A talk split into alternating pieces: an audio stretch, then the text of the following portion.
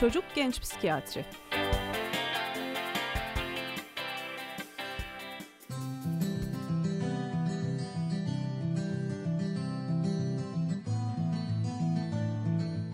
Trakya Üniversitesi Radyosu Radyo Güne Bakan'da yeni bir çocuk genç psikiyatri programıyla sizlerle birlikteyiz. Bugünkü programımızın konusu dikkat eksikliği ve hiperaktivite bozukluğu.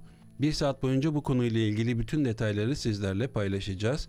Her zaman olduğu gibi Trakya Üniversitesi Tıp Fakültesi Çocuk ve Ergen Ruh Sağlığı ve Hastalıklar Anabilim Dalı Başkanı Profesör Doktor Sayın Işık Görker ve aynı anabilim dalından doktor öğretim üyesi Leyla Bozatlı bizlerle birlikte.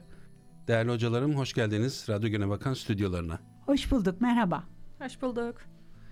Bugün programımızda dikkat eksikliği, hiperaktivite bozukluğunu konuşacağız. Önemli bir konu yine. Bu konunun detaylarına girmeden önce dilerseniz dikkat eksikliği, hiperaktivite bozukluğu nedir? Bu kavramı biraz açıp tanımlayıp bir netleştirip ondan sonra diğer detaylara girelim hocam ne dersiniz? Tabii. Şimdi dikkat eksikliği, hiperaktivite bozukluğu aslında nöro gelişimsel bir bozukluk. Yani yapısal bir özellik taşıyor. Sonradan kazanılmış bir bozukluk olarak değerlendirmiyoruz biz bu bozukluğu. Yani küçük yaşlardan beri çocukta var olan bir takım bulgular özellikle ilk öğretim çağı dönemi başladıktan sonra bulgular olarak kendisini göstermeye başlıyor ve biz bu bulgularla birazdan daha ayrıntılı ifadelendireceğimiz gibi özellikle öğretmenlerin bu bulguları fark etmesiyle değerlendirmeye alıyoruz ve muhtemelen de o bulgular olduğunda da bu tanıyı koyuyor ve daha sonra gerekiyorsa tedavisini de düzenliyoruz.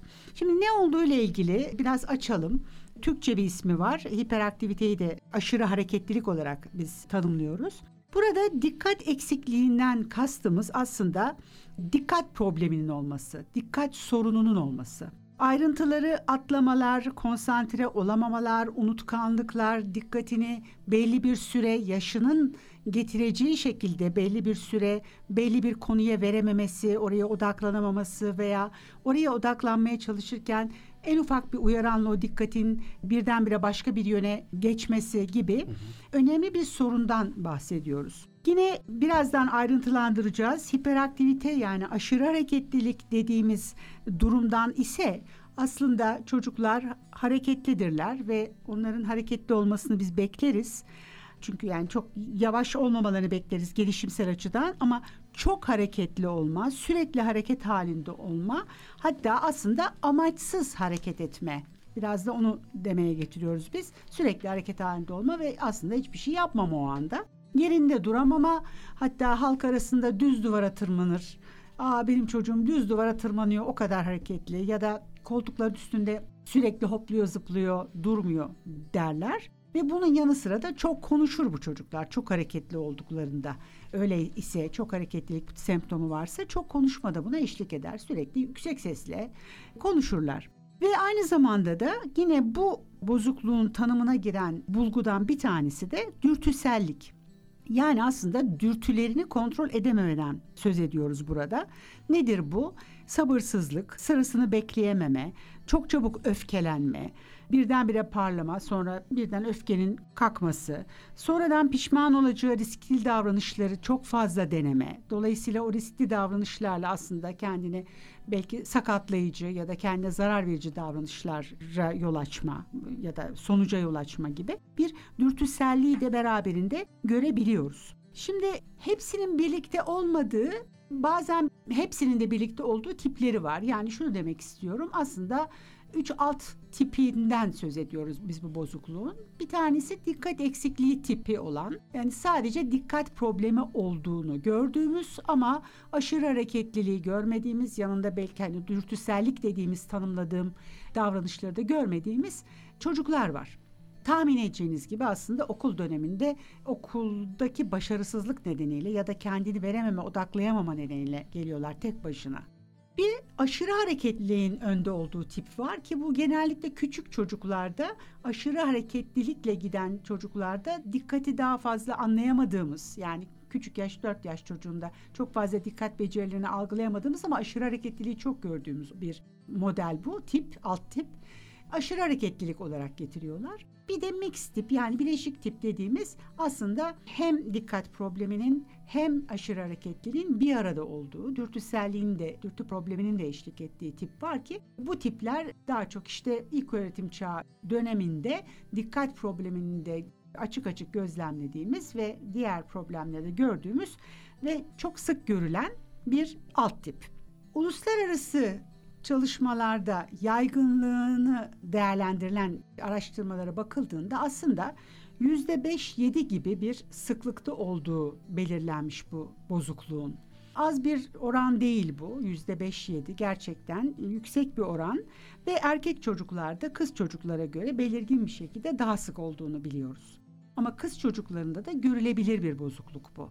Bu fark neden ortaya çıkıyor Ee, hocam? işte gelişimsel bir bozukluk olduğu için ve etiyolojisinde de birazdan sözünü edeceğimiz genetik faktörlerin Hı hı. rol oynadığını da belirteceğiz birazdan. Bunun da genetik bir geçiş olması nedeniyle de erkek çocuklarda da yüklülüğün daha fazla olduğu düşünülüyor zaten. Yani oradan da aslında genetik olduğu da belirli. Kız çocuklarda daha az sıklıkta gördüğümüz bir bozukluk bu. Başka nörogelişimsel bozukluklarda da aynı şeyleri söyleyeceğiz zaten. Yani çocuk doğduktan sonraki yaşadığı hayatla alakalı bir durum değil bu. Hayır. Tamamen gene- Daha genetik, çok genetik bir kalıtsal bir kalıtsal bir durum. durum. Evet, Evet. evet. Bu sıklık aslında çok fazla derken Türkiye'de de yapılan çalışmalar var ve 2012'de hatta değerli araştırmacılarımız tarafından yapılan çalışmada aslında %13'e varan bir yaygınlık oranını da tespit etmişiz. Dolayısıyla ülkemizde yatsınamayacak kadar yüksek oranda görüyoruz biz bu bozukluğu.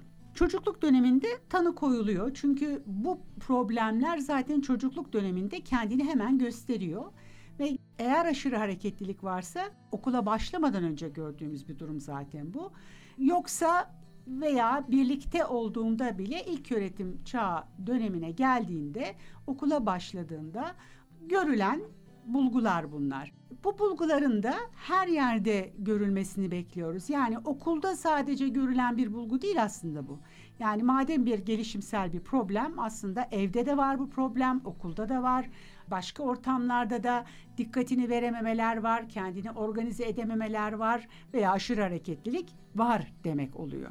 Hocam biliyorsunuz internetle birlikte, dijital teknolojiyle birlikte birçok bilgiyi Google'a yazdığımız zaman öğrenebiliyoruz. İnternet üzerinden kendine ya da çevresindekilere teşhis koymayı seven de birçok kişi var biliyoruz. Örneğin bir aile çıkıyor diyor ki benim çocuğumda hiperaktivite bozukluğu var. Bazen bazı çocuklar hareketli olabiliyor. Bazı çocukların davranışları bu şekilde olabilir ama hepsi hiperaktivite bozukluğudur ya da dikkat eksikliğidir deme şansımız olmayabilir. Başka birçok etken var. Peki biz bunu nasıl ayırt edeceğiz? Bir anne baba, bir ebeveyn çocuğunun dikkat eksikliği ya da hiperaktivite bozukluğu olduğunu nasıl anlayabilir? Karıştırılmaması açısından özellikle soruyorum. Şimdi tanı koyacak olan tabii ki aileler değil. Yani doğal olarak tanıyı bu konuyla ilgili gerek eğer tanısı varsa uzmanları koyuyor. Çocuklarındaki yani bulgu olarak gördükleri, onlara tuhaf gelen, diğer çocuklarla karşılaştırdıklarında onlarda niye böyle de benim çocuğumda böyle dedikleri veya çocuğun kendisini ifade ettiği bir takım sıkıntılar varsa bunun içinde örneğin dikkat sorunu gibi bir konuda gelebilir gündeme. İşte şöyle diyebiliriz. Ödevlerini yapmaması örneğin, ödevlerinden sıkılması, yapmak istememesi, daha çok oyun oynamak istemesi. Bir örnek veriyorum. Veya işte ne bileyim yerinde hiç durmaması, işte yemek yerken bile masada oturmaması, işte sürekli hareket halinde olması gibi. Yani bir takım normal gelişim özelliklerine uymayan bazı bulgular verdiğinde zaten burada tek yapacakları şey uzmanına danışmak aslında. Çünkü dikkat problemi dediğimiz problem sadece dikkat eksikliği hiperaktive bozukluğunda görülen bir problem değil. Hı hı.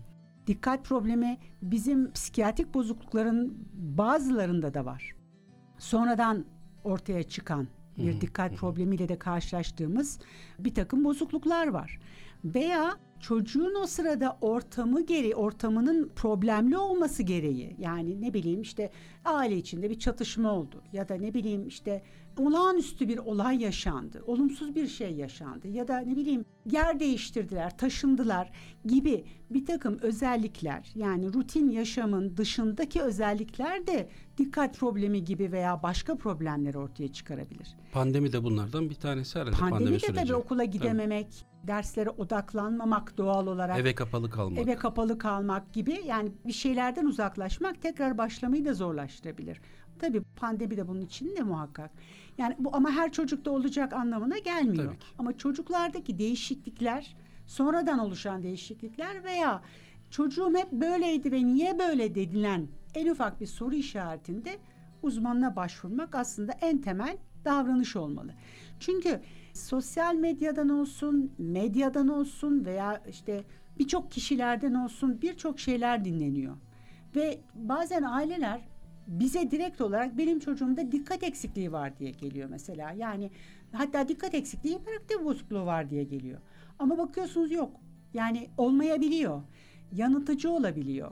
Yakıştırabiliyorsunuz veya Birçok benzeri birçok hastalık olabiliyor. için bunu yapıyoruz aslında. yapılabiliyor. Evet yani Evet. yetişkinler için de, çocuklar ama için de tabii bu maalesef yanlış yapıyoruz. olabilir. Evet. O yanlışı gelmemek için, oralara gelmemek için direkt uzmanına danışmakta fayda var. Buyurun Leyla hocam. Ya da bazen tam tersi de olabiliyor. Hareketli çocuğun her hareketi çocuktur. O kadar hareketli olur gibi kabul edilip doktora gitme, doktor başvurusu ertelenebiliyor. Biz çocukları tabii ki kıyaslamayın, birbirleriyle karşılaştırma yapmayın diyoruz ama bazen bazı çocuklar yaşıtlarıyla bakıldığında yaşıtlarına göre hiç yerinde oturmaz. Kreşe giden çocuk oturarak yapılan faaliyetlerde örneğin oturarak yapılan o faaliyeti baştan sonuna kadar yapamaz. Sürekli dolaşma halindedir. Hikaye okuma saati vardır örneğin. Çocuk hiç dinleyemez, arkadaşlarını rahatsız eder. Sürekli bir hareket hali vardır. Bir de birazcık daha tehlikeli bir boyutu olabiliyor. Bazen çocuk annesinin elinden tutmuş bir şekilde sokakta, yolda yürürken birden yola atlayabilecek şekilde de fazla hareketliliği olabiliyor çocukların ki bu bu sefer kaza geçirme oranı, kaza geçirme riskini ortaya koyuyor. Hani çocuktur bazen yapar bu diye düşünülmemesi gerekiyor. Kafada bir soru işareti oluyorsa gidip bir danışmakta fayda var. Gerçekten bu tanıyı karşılamayabilir her hareketli olan çocuk ama bir değerlendirilmekte her zaman fayda var bir uzmanın görmesi. Anne ile ebeveynleriyle çocuğu görüşüp bütün alanları, okuldaki durumunu, evdeki durumunu değerlendirip tanıyı karşılayıp karşılamadığını aileye söylemesi en uygun olanı. Şöyle bir şey de yaşıyoruz. Çoğu zaman etrafımızda görüyoruz. İşte babası da böyleydi. Annesi de böyleydi ama sonradan değişiyor, düzeliyor bu. Bir sorun değil gibi de birçok cümleyi ben bugüne kadar duydum. Evet tam da kastetmek istediğim o bazen Evet. en ufak belirtiyi hastalık gibi düşünüp tanı koymaya çok aceleci olabiliyor aileler ya da tam tersi belirti olabilecek davranışları ya çocuktur yapar bu sorun olarak görmüyorum ben deyip doktora götürmeyi erteleyen ebeveynler de olabiliyor. Kafalarına takılan çevreden bazen uyarılıyor aileler ya çocuğun hareketli aslında bir götür istersen diye uyarı alıyorlarsa bir uzmana danışmakta fayda var. Çok da hani psikiyatriye gitmekten bu konuyu konuşmaktan çekinmesinler. Bir gidip danışsınlar deriz. Bazen babası da böyleydi, annesi de böyleydi, gerçeği de söz konusu ama. Elbette. Çünkü bu gelişimsel bir problem ve birazdan tekrar edebiliriz onu. Ebeveynlerin küçüklüklerinde Evet. de bunun olmasının çok yüksek oranda olduğunu çocukları değerlendirirken sorduğumuzda aslında birinci derece akrabalarında da küçüklüklerinde böyle olduğunu duyabiliyoruz. Çok doğru hocam. Evet. Ama Burada bir, bir soru da aklıma geldi mesela siz bunu söyleyince. E babası da böyleydi ya da annesi de böyleydi dediğimizde büyük olasılıkla zaten annesinin ya da babasının bir önceki kuşağın ebeveynlerin böyle bir teşhise sahip olmadığını görebiliyoruz. Yani Evet. babası da öyleydi diyoruz. Belki babası da gerçekten dediğimiz Hareketli gibi biriydi. hareketli ya da bir hiperaktivite bozukluğu olan bir çocuktu. Peki yetişkinlik haline kadar böyle bir teşhis konulmaması durumunda bu yetişkinler nasıl sorunlar yaşıyor? Belki daha ileriki konuşmamızın ilerisinde bunu getirebiliriz ama şimdiden belirtelim. Aslında evet bu tanı belli bir zamandan sonra şekillendi. Daha önce bu tanı altında değil ama yine de bu tür çocuklara bir takım problemleri var.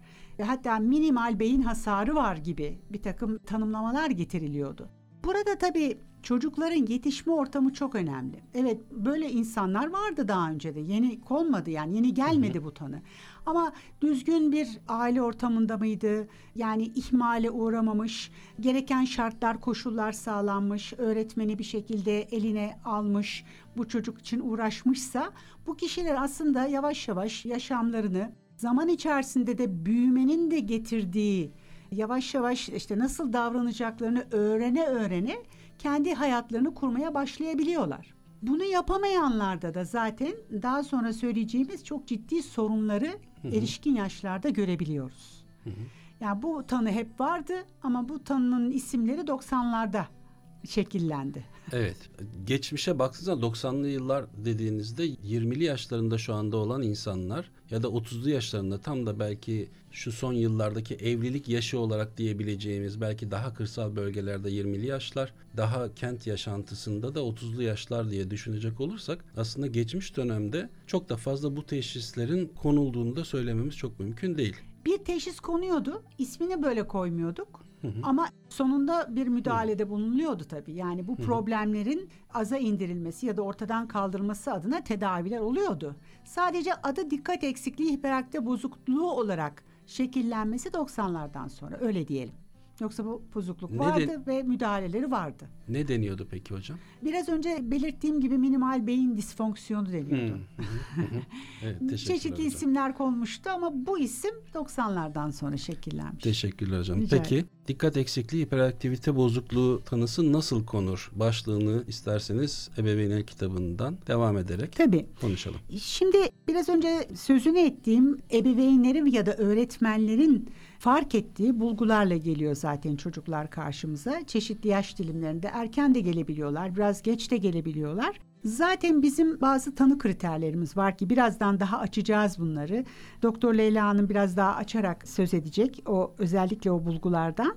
Bu bulgular üzerinden zaten tanı kriterlerini görerek bizim bir tanı ölçütümüze göre tanıyı biz koyuyoruz. Ama bize aynı zamanda yardımcı olan bazı ölçekler var. Bu ölçekleri öğretmenlere gönderiyoruz, ebeveynlere veriyoruz. Buradaki sorular hep işte bu bozukluğun belirtilerinin ayrıntılandırıldığı ve buna bağlı olarak var mı, yok mu, şiddeti nedir gibi soruların cevaplarını alıyoruz biz ailelerden ve ebeveynlerden. Bazen karşılaştırıyoruz. Bazen birbirine aynı cevaplarla gelebiliyor. Bazen birbirinden çok farklı olabiliyor bunlar. Tabii tek başına bu ölçekler değil bizim kriterlerimiz. Aynı zamanda psikometrik değerlendirmeler yapıyoruz. Gerçekten bir dikkat problemi var mı yok mu? Bazı testlerimiz var çocukları daha ayrıntılı değerlendirmek için. Belirli laboratuvar testlerinden geçiriyoruz. Bazen dikkat problemleri başka nedenlerden dolayı da olabilir. Başka hastalıklardan da olabilir. Örneğin çocukta bir demir eksikliği söz konusu olabilir. Örneğin çocukta bir tiroid fonksiyon bozukluğu söz konusu olabilir. Yani başka problemler de bu belirtileri de yol açabilecek problemler olabilir. Bunları da değerlendiriyoruz ve bütün bu bulguların ve elimizdeki verileri de toplayarak çocuğa eğer tanı koyacak bir durumdaysa tanımızı koyuyoruz ve ondan sonra birazdan sözünü edeceğimiz bir tedavi aşaması başlıyor. Burada aileyi bilgilendirmeden başlayıp devam eden bir tedavi algoritmamız var.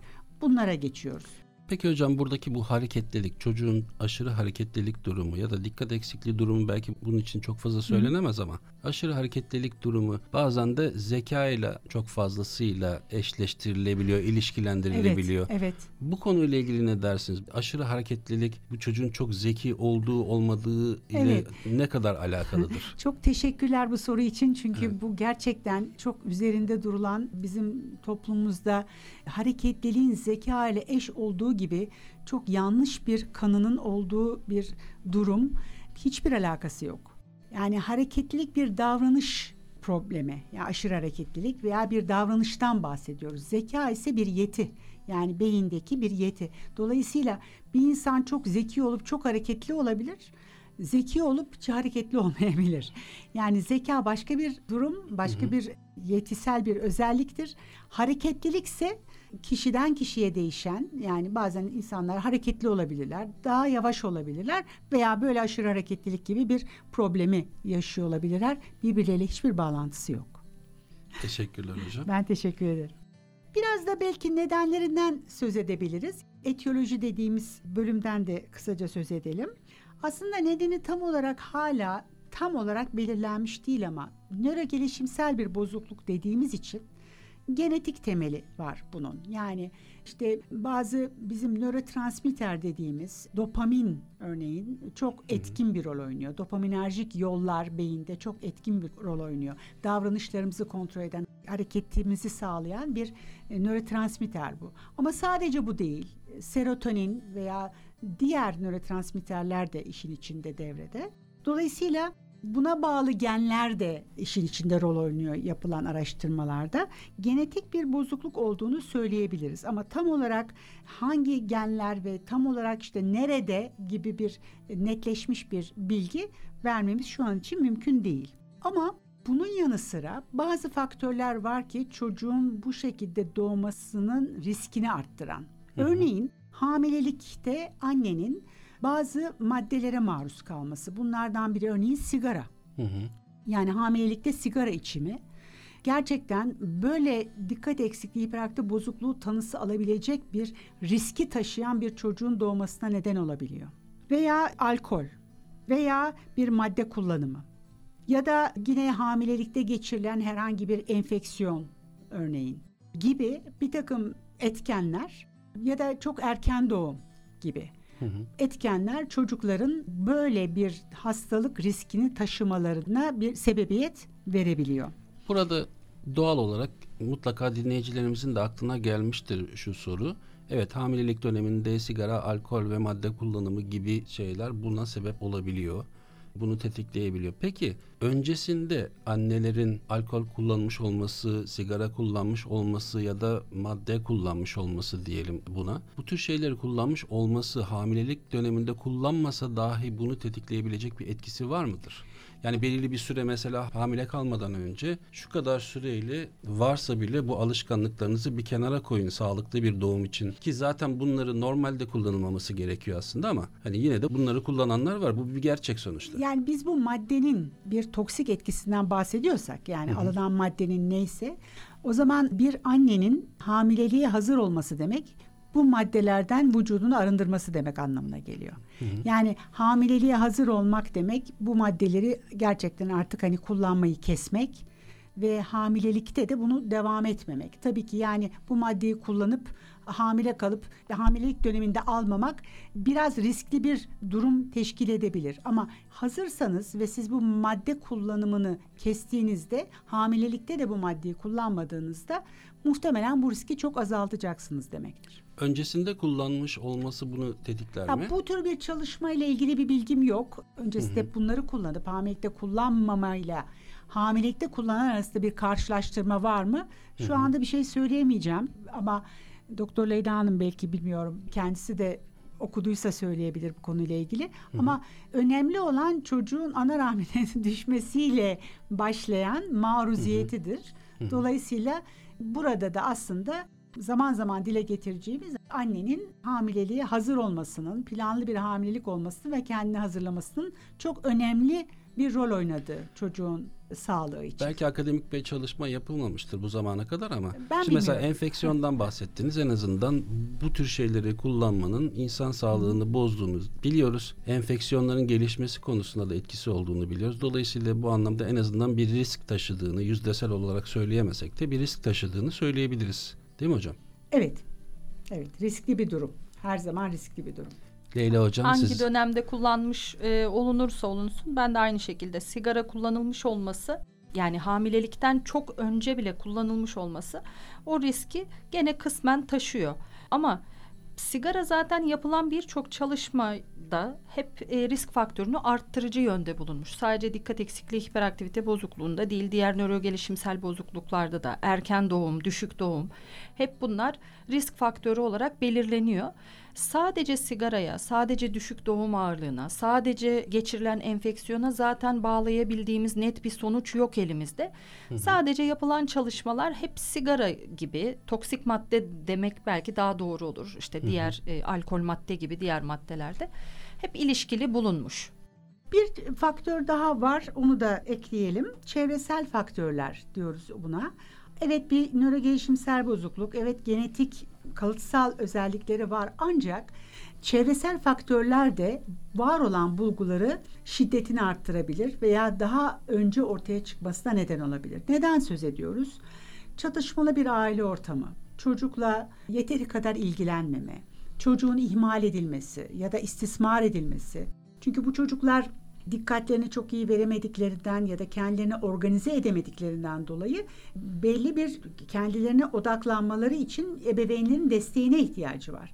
Dolayısıyla hani ne zaman dersini çalışacak, ne zaman e, okuyacak ya da ne zaman oyun oynayacak bir plana ve programa ihtiyaçları var. Bir destek gerekiyor. Bu desteği almayan bazen geniş aileler, çok çocuklu aileler, sosyoekonomik düzeyi düşük olan aileler gibi faktörleri göz önüne aldığımızda bu problem çok daha önce ortaya kendini gösterebilir, çıkabilir veya şiddetinin daha fazla olduğunu görebiliriz.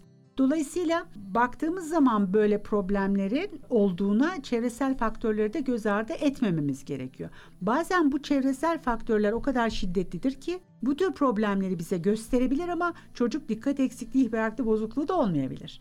Tamamen bu ihmali ve istismara bağlı olarak da gelişebilen bulgular olarak karşımıza gelebilir. Ama o zaman öykü bizim için çok önemlidir. Ne zaman başladı, ne zamandan beri böyle oldu. O nedenle bir uzmana başvuruda bulunmak, uzmandan yardım almanın çok gerekli olduğunu söylüyoruz. Yani çok taklit de edebilir başka problemlerin bir bulgusu gibi görülebilir veya bu problemdir aslında. Bunun bulgularıdır. İlerleyen programlarımızda konuşacağız tabii ki dijital teknolojiyi, oyun bağımlılığını vesaire. E şimdi günümüzde baktığımızda hem dijital teknoloji internetle birlikte çocukları ders ya da diğer sorumluluklarıyla ilgili motivasyonlarını azaltacak, ilgiyi başka yöne kaydıracak dijital oyunlar gibi bir sürü etken var. Dolayısıyla çocukların ders çalışmaması, dersle ilgili konsantrasyonun olmaması, Mesela ergen çocuklarda özellikle daha üst yaşlarda, yukarı yaşlarda, ortaokul, son, lisenin başı gibi o yaşlardaki çocuklarda örneğin sürekli ders çalışırken yanında bir cep telefonuyla, akıllı telefonla her neyse WhatsApp'tan sürekli mesaj geliyor, Instagram'dan, şuradan, da sosyal medyadan gelen mesajlar var. Bu ciddi anlamda konsantrasyonu azaltıyor. Ve dolayısıyla aslında belki bunlar da hiperaktivite bozukluğu olabilir de olmayabilir de ama bu etkenler olduğu zaman herhalde biz o çocuklar için böyle bir teşhis koyamayız. O başka bir etken olarak karşımıza çıkıyor. Şimdi bu tür çocuklarda zaten odaklanamama sorunu olduğu zaman herhangi bir uyaranla zaten çok çabuk etkileniyorlar. Yani örneğin dışarıda birisi su satıyor ya da satıcı birinin sesini duyuyor okuduğu şey birdenbire dikkatini veremeyip tamamen onu dinlemeye başlıyor. Dolayısıyla bu çocuğa önce belli bir süre baktığı şeye odaklanmayı öğretmek gerekiyor. Yani bu çocuk ilk öğretim çağında böyle bir problemi varsa yanında cep telefonuyla tabii ki ders çalışamaz. Ya da başka bir şeyle yapamaz bunu. Yani bu çocuğun odaklandığı öğrenmesi de hem destekle, aile desteğiyle hem de tedaviyle söz konusu. Yani öğrenmesi derken kazanabilmesi diyeyim. Hem tedaviyle olacak hem de bunun yanı sıra aileleri bilgilendirmemizle, onlara yaptığımız rehberlikle ailelerin de desteğiyle ele alabileceğimiz bir uzun yollu bir süreç bu. Dolayısıyla bu çocuklar yanlarında cep telefonuyla ya da başka bir şeyle ders çalışmaları zaten mümkün olmuyor. Ben aslında şunu sormaya çalıştım tabii ki kalıtsal anlamda bu duruma sahip olan, dikkat eksikliği olan, hiperaktivite bozukluğu olan çocuklar mutlaka var. Ama onun dışında bu durumda olmayıp bugünün dijital teknolojisi, internet ve benzeri birçok etkenden dolayı da derslerine konsantre olmak istemeyen, sürekli oyun oynamak isteyen, sıkıldım ben, oyun oynamak istiyorum, sürekli oyun oynamak istiyorum Mesela bakıyorsunuz elinde bir akıllı telefondaki bir oyunu oynarken gayet keyifle sürdürürken hadi bakalım ders çalışman gerekir dediğinizde evet. oraya konsantre olması sürekli e, zor olan, Çünkü, sürekli kafasında çizgi film düşünen, e, oyun tabii, düşünen, tabii. skor yapmayı düşünen çocuklar da var. İşte o teknolojiyle e, biraz bağımlılığa da girecek bir noktaya evet. kadar gidebilir. Ayrıca o konuyu sizinle konuşacağız. Bizim için çocuğun ders çalışma zamanı, yemek yeme zamanı, oyun oynama zamanı, belki televizyonda işte film seyretme zamanı gibi zamanların olması önemli. Yani her şeyi kendi seçtiğimiz programa göre o zamanda yapmasının kaliteli bir gün olduğunu düşünüyoruz. Böyle yaparsa yoksa işte yemek yerken bilgisayara bakmak, işte ders çalışırken cep telefonuna bakmak veya neyse bütün bunların hiçbiri yaptığı işin tam olarak odaklanarak yapmasına neden olmuyor. Tam tersini engelliyor. Engelliyor. E, bu da aslında biraz da işte ekran bağımlılığına, teknoloji bağımlılığına Hı-hı. giren bir konu. Yani Sizin her her dikkat eksikliği kalıtsal olarak Hayır, gelen bu tanıyı böyle karşılamıyor. Bir tanıyı karşılamıyor. Evet. evet. Tabii. Evet, ona vurgu yapmak açısından Teşekkür sormuştum. Evet. Şöyle bir hocam. ekleme ben de yapayım. Yapılan çalışmalar hep şunu göstermiş hangi yaş grubuyla çalışılmış olursa olunsun hani iki yaşından itibaren bütün çocukların artık televizyon izlediğini biliyoruz. Her ne kadar biz bunu önermesek de yapılan çalışmalar çocuğunuz işte bir yaşında televizyon izliyor muydu, iki yaşında televizyon izliyor muydu diye anketler doldurularak yapılan çalışmaların hepsinde ne yazık ki yüzde yüze yakın evet cevabı alınıyor. Çok fazla ekran maruziyeti yaşamış oluyor çocuklar. Ve bu dediğim gibi hangi yaşta yapılırsa yapılsın bu çalışmalar her yaşta ekran maruziyetin dikkati olumsuz etkilediğini gösteriyor bu çalışmalar. Dikkat eksikliği hiperaktivite bozukluğu tanısı olsun veya olmasın. Bu tanıyı illa karşılıyor olması gerekmiyor. Sağlıklı bir kişinin de çocuk yaşında olabilir, ergen yaşında olabilir, yetişkin olabilir uzun süre ekran başında olması bu telefon, tablet, bilgisayar, işi gereği belki bilgisayar, uzun süre ekran başında kalması dikkati olumsuz etkilediğini gösteriyor bu çalışmalar.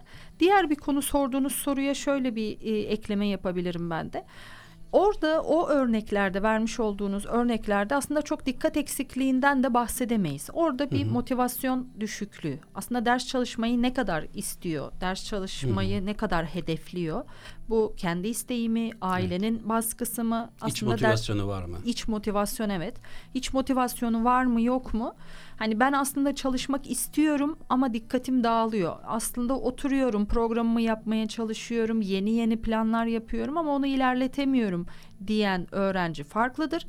Ya da çalışıyorum olmuyor. Çok da plan yapmayan, aslında çok da hedefleri net olmayan, daha çok sosyal medya veya sosyal medya olmayabilir. Oyunlarla, telefonuyla, tabletiyle zaman geçirmek isteyen ve annesinin babasının baskısıyla sadece ders çalışmaya çalışan bir ergen olabilir. Orada tabii bunun sebebinin ne olduğunu iyice anlamamız lazım. Çalışamıyorumun her zaman arkasında dikkat eksikliği olmayabilir. Orada bir iç motivasyon var mı yok mu onu iyice bir değerlendirmemiz iyi olur. Nedenleri için belki son olarak şunu da söyleyebiliriz. Aslında hani bizim beynimizin özellikle ön bölgesinde biz ona frontal bölge diyoruz. Hı hı. Yürütücü işlevler diye tanımladığımız bir zaman içerisinde erişkinliğe geldiğinde tamamen kazanılan bazı yetiler var. Yürütücü işlevler diyoruz biz onlara. Bunların içinde nelerden söz ediyoruz?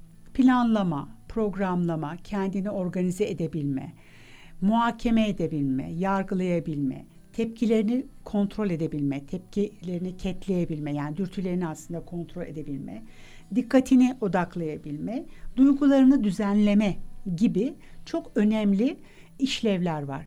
İşte bu dikkat eksikliği hiperaktif bozukluğunda bu bölgedeki bu işlevlerin bozukluğu söz konusu. Yani hı hı.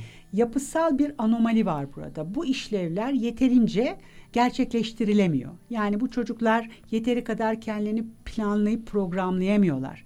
Organize edemiyorlar. O yüzden ne yaptıkları belli değil. Amaca yönelik davranmıyorlar. Ödevlerini ne zaman oturacaklarını, ne zaman yapacaklarını bilemiyorlar. Unutkanlıkları var. Okula gidiyorlar. Bir takım küçük kalem, defter unutmaların yanı sıra montlarını unutup gelebiliyorlar. Yani amaçsız, plansız, programsız sürekli işte hareketliliği varsa sürekli hareket halinde ve çok konuşan çocuklar olarak görülüyorlar. Gerçekten de öyle. Dolayısıyla aslında bir zeka problemi yok. Sadece bu gelişmekte olan bu yürütücü işlevlerin nasıl kullanacaklarını, bu işlevlerin kazanılması da problem olduğu için nasıl kullanacaklarını bilemiyorlar. Dolayısıyla kendilerini düzenleyememe var. Bu problem zaten tek başına öncelikle ders başarısızlığı olarak kendini gösteriyor. Daha sonra akranlarıyla iletişimlerde problemlere geliyor. Ebeveynlerin işte ne dediğini anlama, anlamama, ebeveynlerin sözlerini dinlememe ya da ne yapacağını bilememe, öğretmenlerle ilişkilerdeki problemler gibi çok çeşitli alanlara yansıyor. Bu nedenle tedavi ne kadar erken başlarsa ne kadar bu çocuğun bu işlevlerini organize edebilirsek o kadar çok çabuk iyi ilerleyebiliyoruz tedavide. Ne kadar geç başlarsak bunları takdir edersiniz ki yapamamak hı hı. başka sorunları da bir beraberinde getiriyor. Büyümekte olan bir çocukta.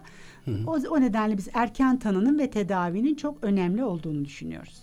Hazır erken tanıdan bahsetmişken hocam, diyelim ki bir ebeveyn, anne ya da baba geçmişte çocukluk döneminde böyle bir durum teşhis edilmiş, böyle bir tanı konulmuş kendisiyle ilgili ve anne baba olmak gibi bir niyeti var hamilelik öncesinde bu konuyla ilgili doğumla ilgili hamilelik süreciyle alakalı herhangi bir önlem alma şansı var mı? Kalıtsal olarak aktarılması olası bir durum var. Mesela ben de diyelim ki daha önceden dikkat eksikliği ve hiperaktivite bozukluğu konulmuş benim için çocukluk dönemimde. Diyelim ki evlendim ve bir çocuk sahibi olmak istiyorum.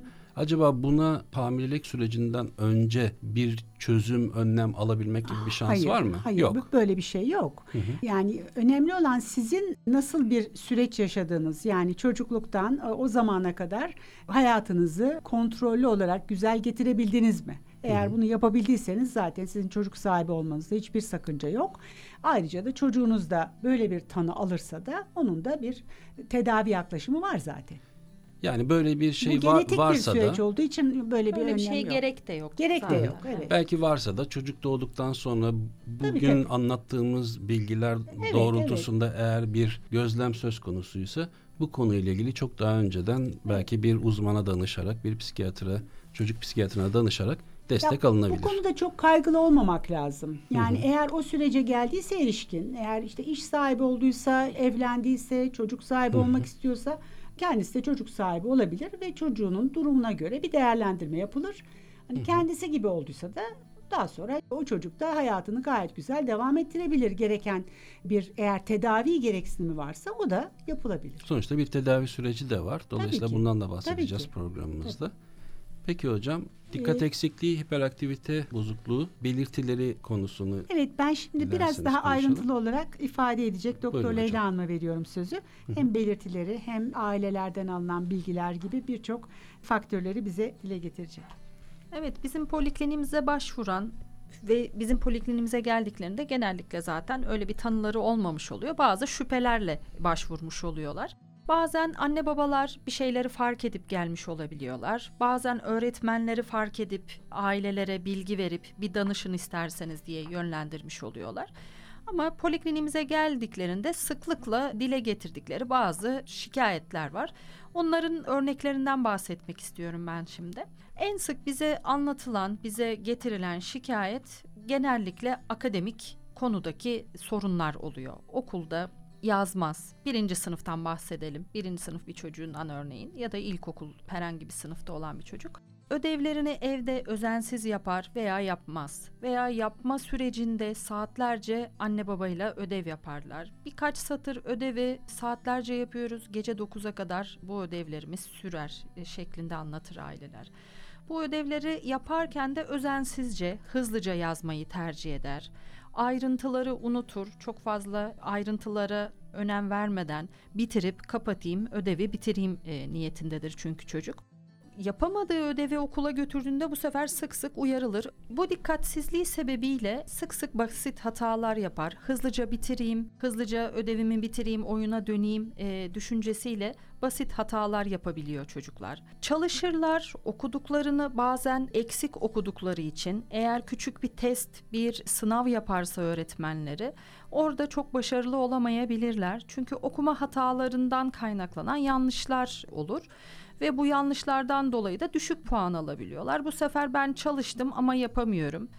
Cümlenin sonundaki kelimeler bazen olumsuz biter. Örneğin içermektedir, içermemektedir. Aşağıdakilerden hangisi bulunmaktadır, bulunmamaktadır gibi. E artık testler, sınavlar başladıkça çocuk akademik bilgiye sahip olmasına rağmen tamamen dikkatsizliğe bağlı bu küçük ayrıntıları fark edemez ve yanlış işaretlemeyle düşük sonuç, düşük sınav puanları almaya başlar. Bu da onun kendini başarısız hissetmesine neden olur. Zamanını iyi kullanamayabiliyorlar, sınavları yetiştiremeyebiliyorlar, uzun paragraf sorularını daha yavaş okuyup sürelerini iyi kullanamayabiliyorlar veya önceliği iyi belirleyemeyebiliyor bu çocuklar. Daha önemsiz, daha basit şeylerle zaman kaybedip asıl yapması gerekenleri en sona bırakıp sonra da onu yetiştiremeyebiliyorlar. Birkaç komut verildiğinde arka arkaya onların ilkini yapıp sonrakilerinde aynı özeni, aynı dikkati sürdüremeyebiliyorlar. Talimatlara uymakta zorlanabiliyorlar. Biraz önce de bahsettik. Kalem silgi gibi ufak araç gereçleri çok kaybedebiliyorlar. Onun dışında işte kış mevsiminde kullanılan işte atkı, eldiven, berelerini hatta montlarını bile çok sık unuttuklarını, çantalarını unuttuklarını söyleyebiliyor aileleri bize. Hep bunların takibini anneler yapar. Çantasını hazırlamasını anneler yapabiliyor. Çocuk bunun sorumluluğunu yapamıyor. Çünkü defterini koyarsa kalemliğini koymayı unutuyor. Kalemliği koyarsa başka bir diyelim ki suluğunu, başka bir araç gerecini koymayı unutuyor. Çünkü kafa hep oyundadır, başka bir konudadır. Bir konudan başka bir konuya çok hızlı geçiş olduğu için o komutları arka arkaya sürdürmede zorlanıyor. Aynı nedenle bir işi başlayıp bitiremeyip başka bir işe yönelebiliyor. Ya da biraz daha ortaokul çağında bir çocuk Türkçe dersini çalışmak için oturup aklına başka bir konu gelip başka bir derse yönelebiliyor. Ya da o anda başka yapması gereken bir iş aklına gelip onu yarım bırakıp başka bir işine yönelebiliyor. Hiçbir işi başlayıp çok uygun bir şekilde sonlandıramayabiliyor herkesin dikkati aslında çevresel seslerden, çevresel uyaranlardan dağılır ama dikkat eksikliği olan çocukların bu konuda hassasiyetleri daha yüksektir. En ufak bir ses bile onların dikkatini dağıtabilir başkalarının rahatsız olmayacağı bir dışarıdan geçen e, ve çok sık duyulan diyelim ki araba sesi, korna sesi okullara yakın yollar oluyor ve sık sık araba sesleri olabiliyor. Diğer çocuklar bu sesten çok etkilenmezken bu çocuklar daha fazla her sesten etkilenebiliyor. Çok çabuk sıkılıyorlar. Bir oyuncakla bile oynasa, eğlenceli bir aktivite bile olsa bazen o eğlenceli aktivitede de dikkatini sürdüremez. 5 dakika onunla oynar, 10 dakika onunla oynar, 10 dakikayı geçmez çok çabuk dikkati dağılır diyebiliyor aileler bize. Ama bazen de tam tersini söyleyebiliyorlar. Tamam bu çocuğun dikkat eksikliği var diyorsunuz ama oturuyor işte 5 saat televizyon izliyor. Oturuyor elindeki telefonla şu kadar saat zaman geçiriyor dikkat eksikliği var ama legolarıyla 3 saat çok güzel bir tasarım bir şey çıkarabiliyor. Oradaki defterinde Lego'nun kitapçığındaki komutları takip edip oradaki hedef objeyi tamamlayabiliyor. O nasıl oluyor diye sorabiliyor aileler. Burada evet toplamında aslında bir sorun yok. Dikkat eksikliği olan çocuk hiçbir şeye dikkatini veremiyor diyemeyiz ama ilgi duyduğu alanlara dikkatini verebiliyorken ilgi duymadığı alanlara da 2, 3 ya da 5-10 dakikanın ötesinde dikkatini sürdüremiyor ve çok çabuk dikkati dağılıyor. Bu nedenle aslında bazen dikkat eksikliği yokmuş gibi görünen çocuklarda da aslında dikkat eksikliğinin olabileceğini, özellikle zorlandığı, çok ilgisinin olmadığı alanlarda daha çok ön plana çıktığını, dikkat eksikliği belirtilerinin ön plana çıktığını söyleyebiliriz. Aslında çok önemli bir detay verdiniz şu anda. Belki birçok ebeveyn sevmediği için yapmak istemiyor diyebilir ama bu bu tanının konulamayacağı anlamına gelmiyor. Evet. Çok önemli bir şey. Evet yani yüzde elli o da olabilir. Gerçekten sevmiyor da olabilir. Ama Hı-hı. gerçekten dikkati dağıldığı için onu tamamlayacak dikkatini sürdüremediği için yapamıyor. Yapamadığı için başarısız olduğunu hissettiği için de o konuya karşı neyse bu işte okuma yazma diyelim ya da ders çalışma o konuya karşı giderek isteksizliği artmış oluyor. Tabii isteksizlik öğrenememe, öğrenememe dikkat eksikliği gibi bir kısır döngüyü tekrardan oluşturmuş oluyor. Biraz önce saydığım belirtiler daha çok dikkat eksikliği ile ilgili olan belirtiler. Başta hocamız bahsetmişti. Bir baskın tip, dikkat eksikliği baskın alt tipi var. Dikkat eksikliği hiperaktivite bozukluğunun. Bir de dürtüselliğin, hiperaktivitenin daha çok ön planda olduğu alt tipi var. Diğer şikayetler hiperaktivite ile alakalı, dürtüsellikle alakalı gelen belirtiler nasıl olur? Orada da gene işte hocamızın da dediği gibi düz duvara tırmanır denebiliyor ama her çocuğun o kadar da hareketli olmasını bekleyemeyebiliriz. Aslında olduğu yerde sürekli bir kıpır kıpır olan çocukta hiperaktiviteyi görebiliriz. Sandalyesinden kalkıp dolaşan bir çocuk da hiperaktivite belirtisi gösterebilir ama yerinde durup sürekli kalem tıraşıyla kalemini açma, çantasından bir şeyler çıkarıp bir şeyler koymaya çalışma, arkadaşından silgi isteme, silgi verme gibi sürekli olduğu yerde de bir kıpır kıpır olma hali olabilir. Teneffüslerde sürekli koşar halde olabilir okulda olduğu zamanlarda ya da evde ailenin gözleminde olduğu zamanlarda da hiç durmaz sürekli koşar der bize aileler. Derste de öğretmenlerin en çok dikkatini çeken şey derste ders düzenini bozma ile ilgili olan şikayet yerlerinde oturmayıp kalkmak isteme, dolaşma istemeleridir. Bir şey sorabilir miyim? Burada bahsettiğiniz belirtilerle ilgili olarak bir ya da birkaçının olması ya da olmaması durumu bir şeyi değiştirir mi? Bu çok önemli. Mesela bizim çocuğumuz okula gittiği zaman sınıfta öğretmenini çok güzel dinliyor. Sınıfta bir sorun yaratmıyor ama evde böyle davranıyor dediğimiz Hı. zaman. Diyelim ki kuralların geçerli olduğu, daha sıkı olduğu bir ortamda bu kurallara uyarken ev ortamında bunu yapmıyorsa. Evet. Orada yapabiliyor olması bu tanıyı koymamıza engel midir? Şöyle şimdi tanı koyma sürecinde e, Işık Hocam bahsetti. Birden fazla alanda bu belirtileri bizim görüyor olmamız gerekiyor.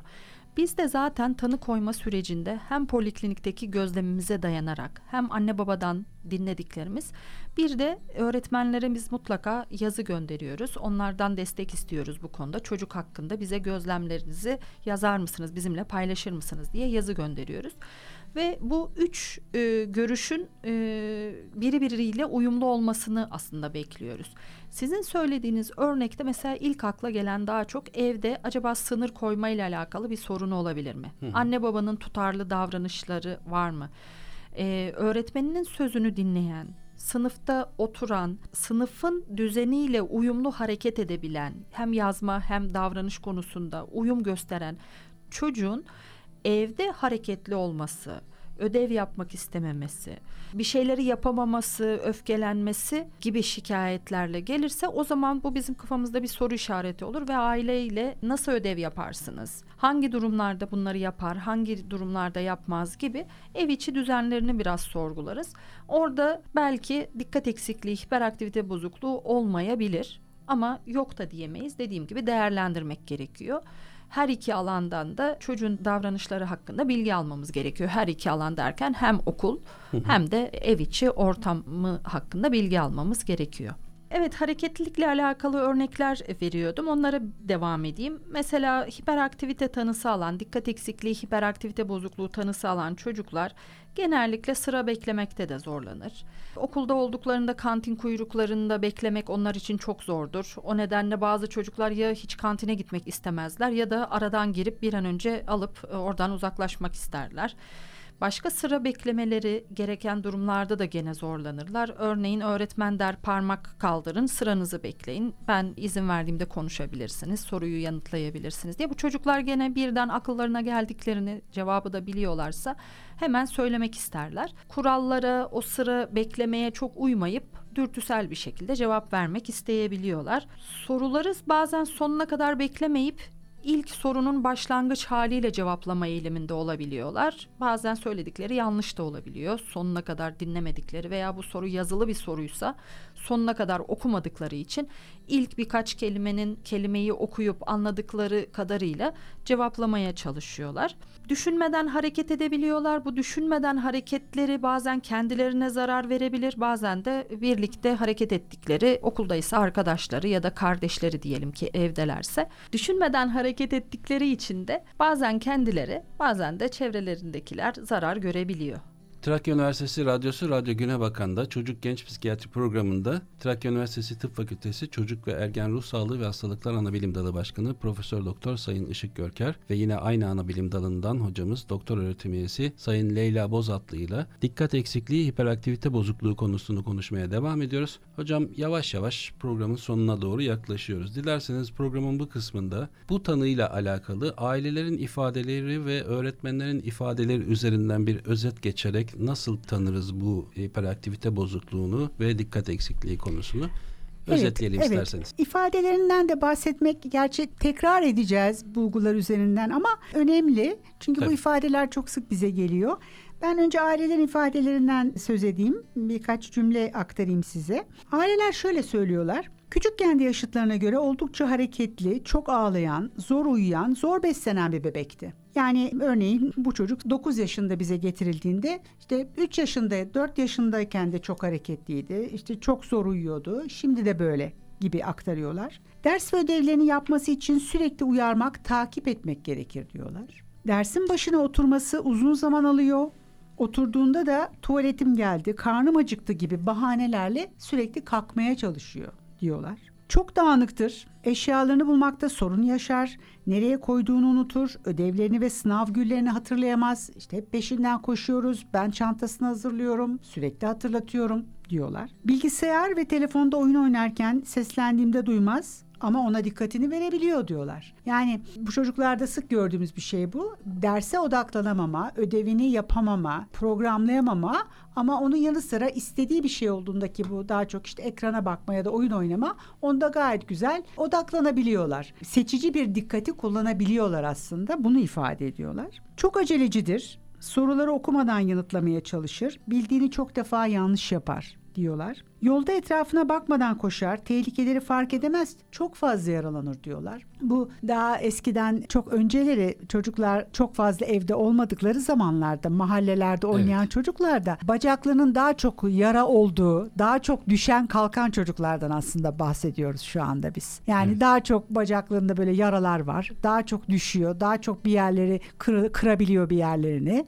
İşte o çocuklar aslında dikkat eksikliği hiperaktif bozukluğu tanısına çok yakın olan çocuklar oluyor. Biraz bundan bahsediyorlar aslında. Misafirliğe gittiğimizde de yerinde durmaz, çok yaramazlık yapar, bizi mahcup eder diye biliyorlar. İki kişinin konuşmasına fırsat vermez. Sürekli araya girer, çok konuşur. Ben onu dinlemekten yorulurum, o yorulmaz diyorlar. Olaylara gereğinden fazla tepki verebilir. Kendine hakim olamaz fakat kısa bir süre sonra pişman olur, özür diler. Yani orada o olur. Daha sonra o gider kendi kendine oyun oynamaya başlar ama sonra yine tekrar eder gibi ifadeler kullanıyor ailelerimiz çoğunlukla. Bir de öğretmenlerin ifadeleri var. Onların neler olduğunu kısaca örnekler verelim isterseniz. Tabii ki. Derste izin almadan konuşur. Derste alakasız konulardan söz eder. Sırasından kalkıp gezinir. Hatta bazen işte izin alır dışarı çıkar tuvalete gidebilir miyim gibi onları da yaparlar. Dersle ilgisiz olan her duruma dikkati kolayca kayabilir. Yani işte dışarıda kuş uçuyor, dışarıdan bir ses geliyor ya da yanındaki çocuk bir harekette bulundu hemen ona bakmak gibi. Aslında çok zeki fakat kendini derse vermiyor. Bu, bu sözü çok sık duyarız. Yani aslında bu çocuk yapabilir ama yapamıyor demek istiyor. Yani bu çocuk zeka yetersizliği yok ama yapamıyor demek istiyor aileler. Düşünmeden çok cevap veriyor kendi sınıfta aklı teneffüste oyunda. Hı hı. Defterini montunu sık sık unutur. Arkadaşlarını konuşturuyor. Arkadaşlarıyla anlaşmakta zorlanır. Çok müdahaleci davranır. İstediği olmayınca sinirlenir, kavga eder. Bu çocuklarda daha sonra sözünü edeceğimiz eşlik eden problemlerde de gerçekten sinirlenmeler, kavgacılıklar, otorite figürü olan işte öğretmen veya ebeveynleri dinlememe gibi gerçekten başka sorunların da birlikte eşlik ettiğini çok sık gözlemleyebiliyoruz, görebiliyoruz ve dinleyebiliyoruz. Hocam o kadar detay verdiniz ki aslında birçok şey var. Belki bizi dinleyenlerin de kafası biraz karışmış olabilir. Mesela okul ortamındaki davranışlarla öğretmenlerin ifadeleriyle ailelerin ifadeleri ikisi birbiriyle örtüşmüyor olabilir. Belki dinleyicilerimiz şunu diyebilir. Aa evet ailelerin ifadeleri bizim ifadelerimiz de buna benziyor ama öğretmenlerle ilgili olarak söylenen şeyler de çok da fazla uymuyor da diyebilirler ya da tam tersinde diyebilirler. Evet, evet. Dolayısıyla aslında o kadar hani hep programımızda dinleyicilerimizi özellikle ebeveynleri özellikle uyarıyoruz ya. İnternet ortamı üzerinden her bilgiyi doğru kabul ederek onlara inanmayın, ona göre kendiniz tanı koymayın, ona göre kendiniz çözüm üretmeye çalışmayın diye. Burada verdiğiniz bilgiler doğrultusunda da şunu tekrar ailelere ve dinleyicilere hatırlatmak gerekiyor. Ufacık bir değişkenle birlikte tanı ya da teşhis başka bir noktaya doğru gidebiliyor. Dolayısıyla bu konularla ilgili olarak kendiniz tanı koymaya çalışmak yerine bir çocuk psikiyatrına, bir uzman uzmana danışmakta fayda var diye altını özellikle tekrar tekrar çiziyoruz. Evet biz de çiziyoruz. Teşekkür ederiz. Bu konuyla ilgili dikkat ekliği hiperaktivite bozukluğu ile ilgili bir sonraki programımızda bu bozukluğa eşlik eden sorunları E, hatta tanıları, bazı teşhisleri konuşacağız. Aynı zamanda tedaviyi konuşacağız. Tedavide neler yapıyoruz? Tanıyı koyduğumuzda nasıl başlıyoruz ve nasıl seyrediyor tedavileri? Bundan söz edeceğiz. Ve aynı zamanda da ailelerimize önerilerde bulunmayı düşünüyoruz. Teşekkür ederiz. Biz teşekkür ederiz hocam. Tabii burada şunu da tekrar altını çizelim. Biz genellikle bir program içerisinde bir konuyu bitirmeye çalışıyoruz. Ama bazı konular tabii ki siz de takdir edersiniz ki uzun sürüyor. Bizim için önemli olan şey her şeyi bir programın içerisine sığdırmak da değil. Önemli olan fayda sağlamak, dinleyicilerimizi bilgilendirmek, üniversitemizin, tıp fakültemizin değerli hocalarıyla birlikte burada akademik bilgiyi halkımızla, dinleyicilerimizle paylaşmak. Dolayısıyla çözüm önerileri, tedavi sürecini bir sonraki programda konuşacağız ama burada konuştuğumuz şeylerin de ne kadar önemli olduğunu da özellikle altını çizelim. Birazcık sabrederek önümüzdeki hafta salı günü saat 14'te bu konunun devamını konuşacağız. Bu arada hem şöyle bir fırsatımız da olmuş olacak. İsteyen dinleyicilerimiz bu konuyla ilgili eminim ki kafalarında soru işaretleri oluşmuştur ya da bu kadar detaylı bilgiyi aldıktan sonra sorular belirmiştir kafasında. Bizlere ulaşmak istiyorlarsa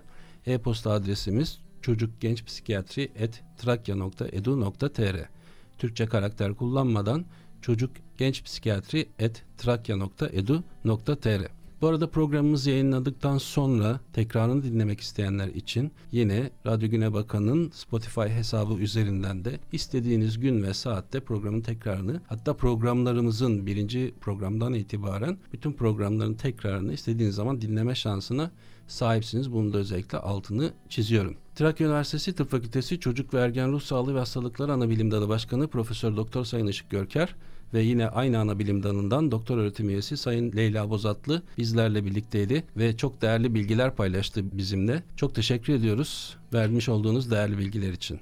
Çok teşekkür ederiz biz de. Hoşçakalın. Hoşçakalın, görüşmek üzere. Hoşçakalın, sağlıcakla kalın. Çocuk Genç Psikiyatri